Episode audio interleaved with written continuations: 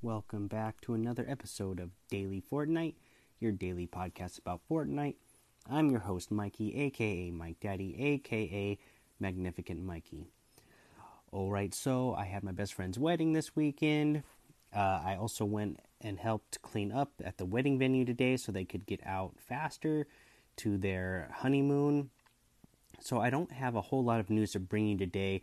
I do know that the uh, season 10 Fortnite Series Championship uh, was going on this weekend, so I would suggest go checking that out and look at the leaderboard and go watch those videos, go check out those replays and uh, see how those went because uh, it, you know it's it's a good chance to watch the pros play and get uh, get a chance to learn from them. Also, you know we have those access to the replays so you can also make content with those, and uh, because we know that the Fortnite team is not doing the weekend live streams anymore, they're just going to be doing updates throughout the week. So that gives you an even better chance of making some really solid content that people are going to be looking for uh, for those um, for those games. Uh, let's do a weekly challenge tip. Let's do the visit a memorial to uh, Kevin the Cube in uh, the desert or by a lake. So there is a memorial that you can go to that's at kind of H8, H9. Uh, if you look there in the desert area, there's a big plateau. That is where Kevin the Cube was first formed, or first appeared, I should say.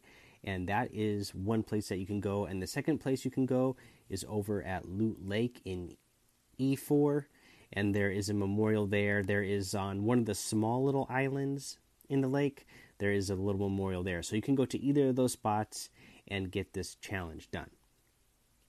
Alrighty, guys. Uh, so go ahead. We'll take a break here, and after that, we'll come back. We will go over the item shop. It's Kaley Cuoco for Priceline. Ready to go to your happy place for a happy price? Well, why didn't you say so? Just download the Priceline app right now and save up to 60% on hotels. So, whether it's Cousin Kevin's Kazoo concert in Kansas City, go Kevin, or Becky's Bachelorette Bash in Bermuda, you never have to miss a trip ever again. So, download the Priceline app today. Your savings are waiting. Go to your happy place for a happy price. Go to your happy price, Priceline. All right, so let's take a look at this item shop.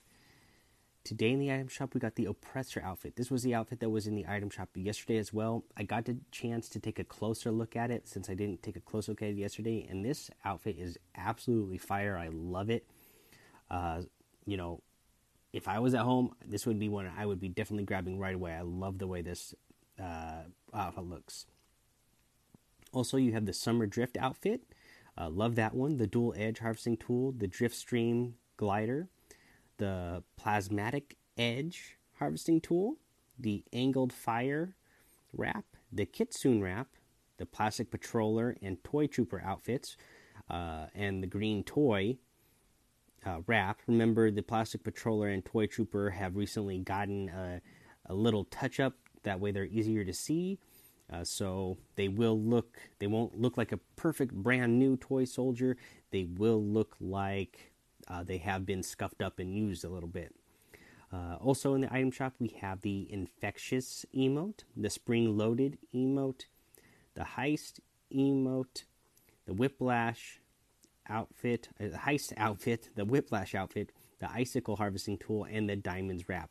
I should mention that infectious emote, that's a new emote too uh, that uh, that that emote goes pretty hard.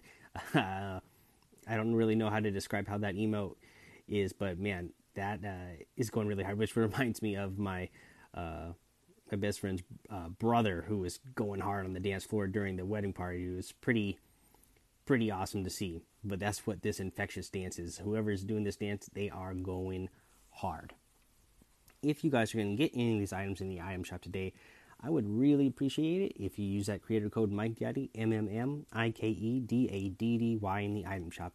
And today for the tip of the day, uh, we kind of already went over it. Go ahead, get in. They've Fortnite has made it easier than ever to look at those replays for the Fortnite Championship Series games.